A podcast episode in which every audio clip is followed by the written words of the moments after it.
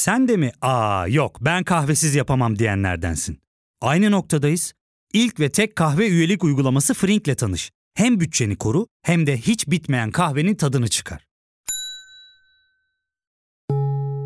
Yakınlarından terapinin onlara ne kadar iyi geldiğini dinlesen de kendin için bir şeylere başlamak zor geliyor olabilir. Ya da sevdiklerine yardım etmeye istekliyken kendi ihtiyaçlarını görebilmek. Hayvel, uzman psikologlarıyla kendi ihtiyaçlarını bulmanda sana destek olacak. Terapi yolculuğuna başlamak için detaylı bilgi bölümün açıklamalarında. Merhaba, ben Ali Yağız Baltacı. Bilgisel'in bu haftaki bölümünde Türkiye mizahının en önemli isimlerinden Cem Yılmaz'ın kariyerini ve onun en naif öyküsü olan Hokkabaz filmini inceleyeceğiz. Hazırsanız başlayalım.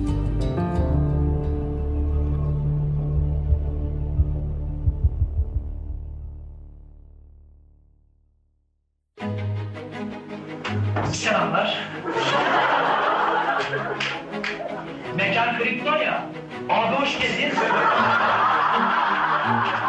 Temmuz 1995'te İstanbul Taksim'deki Leman Kültür'de toplanan seyirciler 22 yaşındaki bir gencin anlattıklarını dinliyordu. Üstündeki Superman tişörtüyle Krypton gezegenine ilişkin bir şeyler anlatan ince bıyıklı, al yanaklı bu genç, küçük bir salondan tüm dünyaya yayılacak bir yeteneği müjdeliyordu. Yaman dergisinde karikatür çizerken 10 dakikalığına sahneye çıkan bu gencin adı artık hepimizin tanıdığı Cem Yılmaz'dı. Genç komedyenin ilk gösterisi o kadar beğenilmişti ki takip eden haftalarda önce 2, sonra 3 ve en sonunda 5 gün stand-up gösterileri yapmaya başladı. Beyoğlu'nda başladığı bu yolculuk 30 yıla yakın bir süredir Türkiye'nin tüm şehirlerine ve hatta Londra'dan Miami'ye, Amsterdam'dan Stockholm'e kadar uzanan kapalı gişe gösterilere dönüşecekti.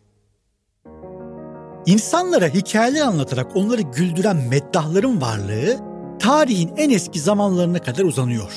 İmparatorlukların ve medeniyetlerin coğrafyası olan Anadolu'da da geçmişten bugüne güldürü anlatıcıları var ola gelmiş. Bu anlatıcılar zaman içinde temaşa sanatının kurucuları ve erbapları olmuş. Günümüzde insanlara bir şeyler anlatıp onları güldürmeyi başaran kişilere ise komedyen deniyor. Ülkemizde ise 30 yıldır karikatürleri, stand-up gösterileri, senaryoları ve filmleriyle her daim zirvede olmayı başaran isimlerin başında gelen bir komedyen Cem Yılmaz. Onun kariyeri yeteneğin başarıya, başarının şöhrete, şöhretin ustalığa dönüştüğü uzun soluklu bir serüven. Öyle ki özünde bir tiyatrocu olmamasına rağmen geleneksel ve modern Türkiye tiyatrosunun en önemli sembollerinden olan ve nesilden nesile aktarılan Kavuk için adı en çok geçen isimlerden biri olmuştu. Buna rağmen tiyatro kökenli olmadığını belirterek bu geleneğe layık olmadığının altını çiziyordu Yılmaz. Ben bir tiyatro sanatçısı değilim. Yaptığım işin içerisinde ben tülata yatkınım. Ben de çok güzel tülat yapıyorum abi demek de olmaz. O disiplinin içinde olmak gerekiyor. Yani dolayısıyla Dümbüllü'den Ferhan Şensoy'a geçmesi, Ferhan abinin beraber çalıştığı, beraber mesai geçirdiği Rasim abiye vermesi, Rasim abinin Şevket'e teslim etmesi bunlar yani tiyatro dünyasını ilgilendiren bir şey. Gençliğinin ilk yıllarından bu yana yazmaya ve anlatmaya devam etti Yılmaz. Leman Kültür'de adını duyurmasının ardından Beşiktaş Kültür Merkezi'nde gösteriler yapmaya başladı. 90'ların sonuna doğru Bir Tat Bir Doku isimli turne ile Türkiye çapında yüz binlerce kişinin izlediği gösteriler düzenledi. Stand-up gösterileri salonlara sığmadı. Önce Walkman kasetlerinde ardından DVD'lerde satılmaya başladı bu gösterinin kayıtları. 2000'ler boyunca çok sayıda yeni gösteri düzenledi Yılmaz. Onlarca ülkede binlerce defa sahne aldı. Onun stand-up tiplemeleri ve esprileri dillere pelesenk oldu. Esprileri sosyal yaşamda kullandığımız ifadelere dönüştü. Bunun sebebi ise Yılmaz'ın anlatımlarını bir sosyolog titizliğiyle toplumun içinden süzüp çıkarmasıydı. Aslında herkesin bildiği ve farkında olduğu ancak kimsenin o incelikte yapamadığı tespitleri kahkahalar eşliğinde aktarmayı başardı. Bu anlatımlarda kimi zaman geleneklerin, kimi zaman toplumsal zaafların, kimi zamansa bireysel sorunlarımızın absürtlüklerini ele aldı. Tüm bunları da bizi güldürerek yapmayı başardı. Bizde şöyle bir garson var bir kere. Ne vereyim abime? Ya öyle bir tonluyor ki her şeyi verebilir. Ne vereyim abime? Ne vereceksin bana? Ne vereyim abime? Ne vereceksin bana? İngilizce. Ne kadar biliyorsunuz? Derdimi anlatacak kadar. Derdin ne? İngilizce bilmiyorum. Ona ününü kazandıran esas şey büyük ölçüde stand-up gösterileri de olsa kendisinin sinemaya duyduğu büyük ilgi su götürmez bir gerçek. Bu ilgisinin çocukluğuna uzandığını abisinin anılarından öğreniyoruz. Abi Can Yılmaz, arkadaşlarıyla sinemaya giderken annesinin zoruyla abisinin peşine takılan küçük Cem, sinema salonunda filmdeki oyunculara dublaj yaparak ilgi duymuş bu sektöre. Sinemadaki ilk profesyonel çalışması ise 1998'de izleyiciyle buluştu. Ömer Vargın'ın yönettiği, senaryosunun bir bölümünü ise kendisinin yazdığı Her Şey Çok Güzel Olacak da Altan isminde bir metropol loser'ını canlandırdı başarılı komedyen. Travmatik bir aile hikayesinin, başarısız girişimlerin ve yıkılan hayallerin anlatımını komedi öğeleriyle birleştirerek sergilemeyi başardı. Barı açıyorum, aileyle aramı düzeltiyorum, babamı da yanıma alıyorum. Olay bitmiştir. Repliğiyle tutmayan planları gösterdi bu filmde. Cem Yılmaz'ın Beyaz Perde'de en fazla konuşulan yapımı ise kuşkusuz 2004 yapımı Gora oldu. Serinin devam filmleri olan 2008 tarihli Arok ve 2018'de yayınlanan Arif ve 216 yapımları da yine geniş kitlelere ulaştı. Yılmaz'ın stand-up tiplemeleriyle durum komedisinden harmanlanan ve sürreel bir kurguyla işlenen bu yapımların sevenleri çok oldu. Ancak Yılmaz'ı yalnızca bu tarz filmlerle sınırlamak ona yapılmış büyük bir haksızlık olur. Zira hikaye anlatıcılığı özelliğini de yazdığı senaryolara daima yansıttı Yılmaz. Uzaylılar tarafından kaçırılan acayip bir esnafı oynadığı gibi feribotta garsonluk yapan saf bir işçiyi, müşterisine tutulan hayalperest bir taksiciyi, eski karısını yeniden kazanmaya çalışan iyi kalpli bir korsan film satıcısında filmlerinde canlandırdı. Gora gibi kendi yazdığı yapımların yanı sıra Vizontele, İftarlık Gazoz ve Av Mevsimi gibi filmlerde de başarılı roller üstlendi. Şimdi radyoda Zeki Müren şarkı söylemiyor mu? Söylüyor. İşte onu söylerken hem dinleyip hem göreceksiniz aynı anda. Peki Zeki Müren de bizi görecek mi? Cem Yılmaz sinemaya olan tüm ilgisine ve verdiği onca emeğe rağmen toplumda bir aktör ya da senaristten ziyade hep bir komedyen olarak nam saldı. Tabiri caizse kendi oluşturduğu kimliğinin kurbanı oldu. Halbuki en az komedyenliği kadar takdir edilmesi gereken bir yönü de var Yılmaz'ın. O da hüzün ile komediyi buluşturabilme meziyeti. Bunun en başarılı örneği ise Yılmaz'ın hakkı en az verilen filmlerinden biri olan Hokkabaz elbette. Bu filmin anlatısına geçeceğiz. Fakat önce kısa bir ara verelim. Geri geldiğimizde kaldığımız yerden devam edeceğiz. Ya fark ettin mi? Biz en çok kahveye para harcıyoruz. Yok abi, bundan sonra günde bir. Aa, sen Frink kullanmıyor musun? Nasıl yani? Yani kahvenden kısmına gerek yok. Frink'e üye olursan aylık sadece 1200 TL'ye istediğin çeşit kahveyi istediğin kadar içebilirsin. Günlük 40 TL'ye sınırsız kahve mi yani? Çok iyiymiş. Aynen. Hatta şu anda 200 TL'lik bir indirim kodu da var. E hadi hemen indirip üye ol da bu fırsatı kaçırma. Terapiye başlamak, içinden çıkamadığın döngüleri kırmak, bazı yanlış bulduğun kararlarını değiştirmek ve kendinle beraber daha huzurlu bir yaşam inşa etmek için atabileceğin en değerli adımlardan biri.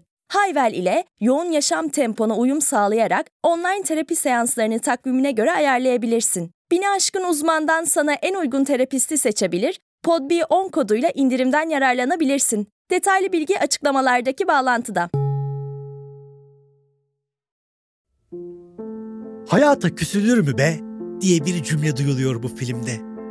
İnsanın yüreğini dağlayan bir cümle bu. Türkiye'nin yetiştirdiği en büyük komedyenlerden birinin senaryosunu yazdığı o filmin hikayesi hayal kırıklıklarıyla dolu umuda yolculukların gölgesinde kalmış ve tutunacak tek dalı yaptığı iş olan insanların trajedisini anlatıyor bize. Cem Yılmaz'ın 2006'da çektiği Hokkabaz, ağızlarda hoş bir tat bıraksa da diğer işlerine nazaran çok fazla ilgi görmedi. Aradan geçen 17 yılda da bu eserin hakkının ne kadar teslim edildiği bir tartışma konusu. Film salaş bir barda İllüzyonist Büyük İskender ve en yakın arkadaşı ve asistanı Maradona'nın sihirbazlık gösterisiyle başlıyor. Gelin görün ki izleyiciler gösteriyle pek de meşgul gözükmüyor. İskender ve Maradona 40'lı yaşlarına yaklaşmış iki yakın arkadaş. Birlikte büyümüşler. Beraber sihirbazlık yapma hayalleri kurmuşlar. Yaşamları boyu başka bir işte çalışmamışlar. İkisinin de gözü ileri derecede bozuk. Gözlükleri olmayınca etraflarını net göremiyorlar. Tıpkı kimsenin onları görmediği gibi. Scott. Ya diyorum ki şu lazer olayına bir girsek de gözlüklerden bir kurtulsak be abi. Ne var abi gözlükte?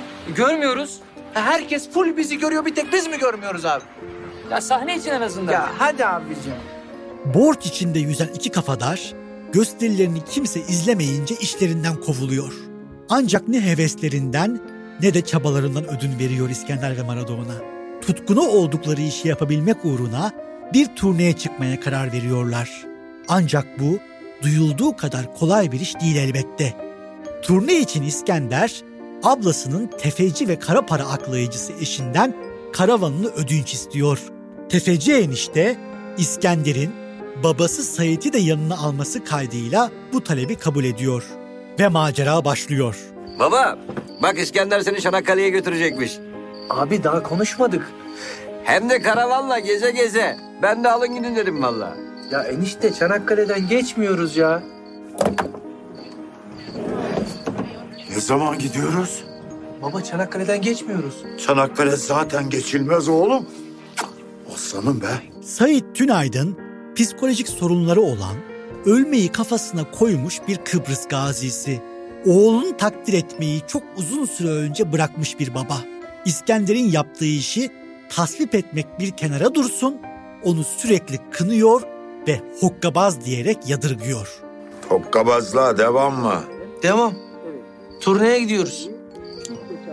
İstanbul bitti tabii. Bitti. İskender, Maradona ve Sait'in turne yolculukları Gelibolu yakınlarında bir kasabada renkleniyor. Burada bir düğünde sahneye çıkmak üzere anlaşıyorlar.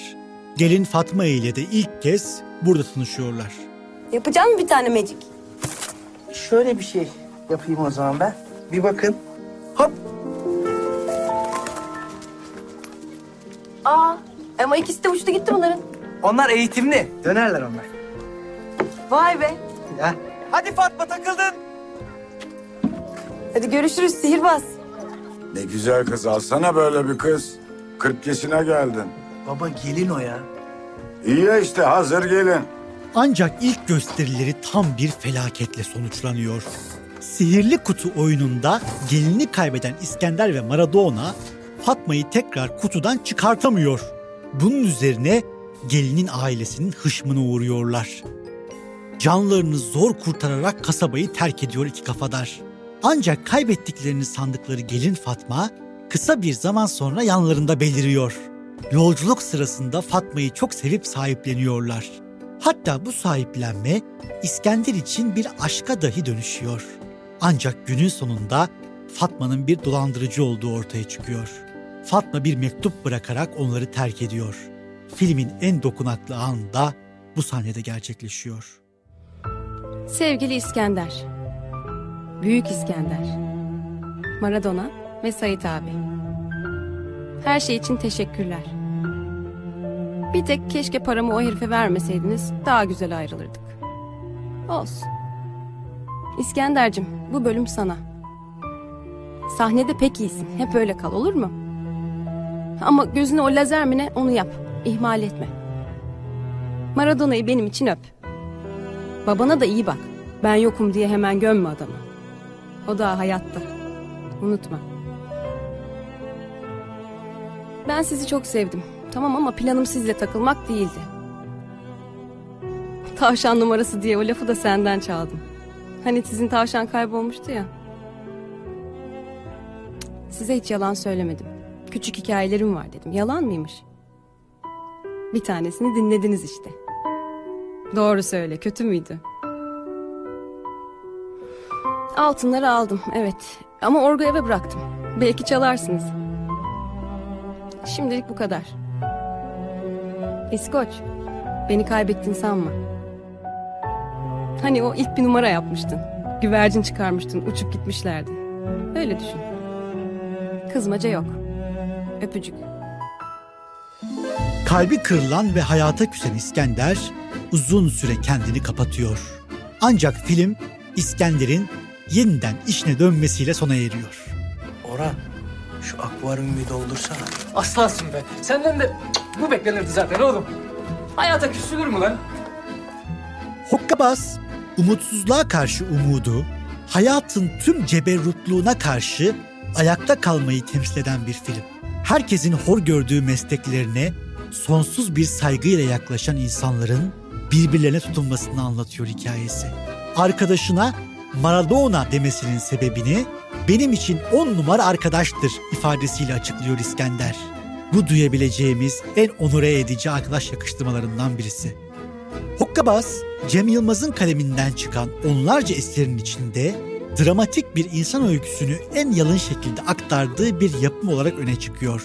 Cem Yılmaz'ı Cem Yılmaz yapan komedyen kimliği olduğu kadar insanların hayallerini, arzularını, heveslerini ve başarısızlıklarını da iyi gözlemleyebilme kabiliyeti kesinlikle.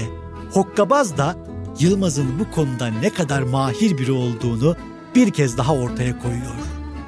İllüzyonist Büyük İskender bizlere görmezden geldiğimiz yeteneklerin ve emeklerin varlığını anımsatıyor. Cem Yılmaz 2022 yılında attığı bir tweette Hokkabaz'ın devam filmini çekeceğini duyurdu. Ancak böyle bir filmin devamının ne zaman izleyicilerle buluşacağını henüz bilmiyoruz. Bildiğimiz şu ki kitleleri doyasıya güldüren Cem Yılmaz'ın esprileri gibi anlattığı insan hikayelerinin de kaynağının yaşamın ta kendisi oldu. İlk ve tek kahve üyelik uygulaması Frink, 46 ildeki 500'den fazla noktada seni bekliyor. Açıklamadaki kodu girerek sana özel 200 TL'lik indirimden faydalanmayı unutma. Hadi sen de Frink üyeliğini başlat, kahven hiç bitmesin.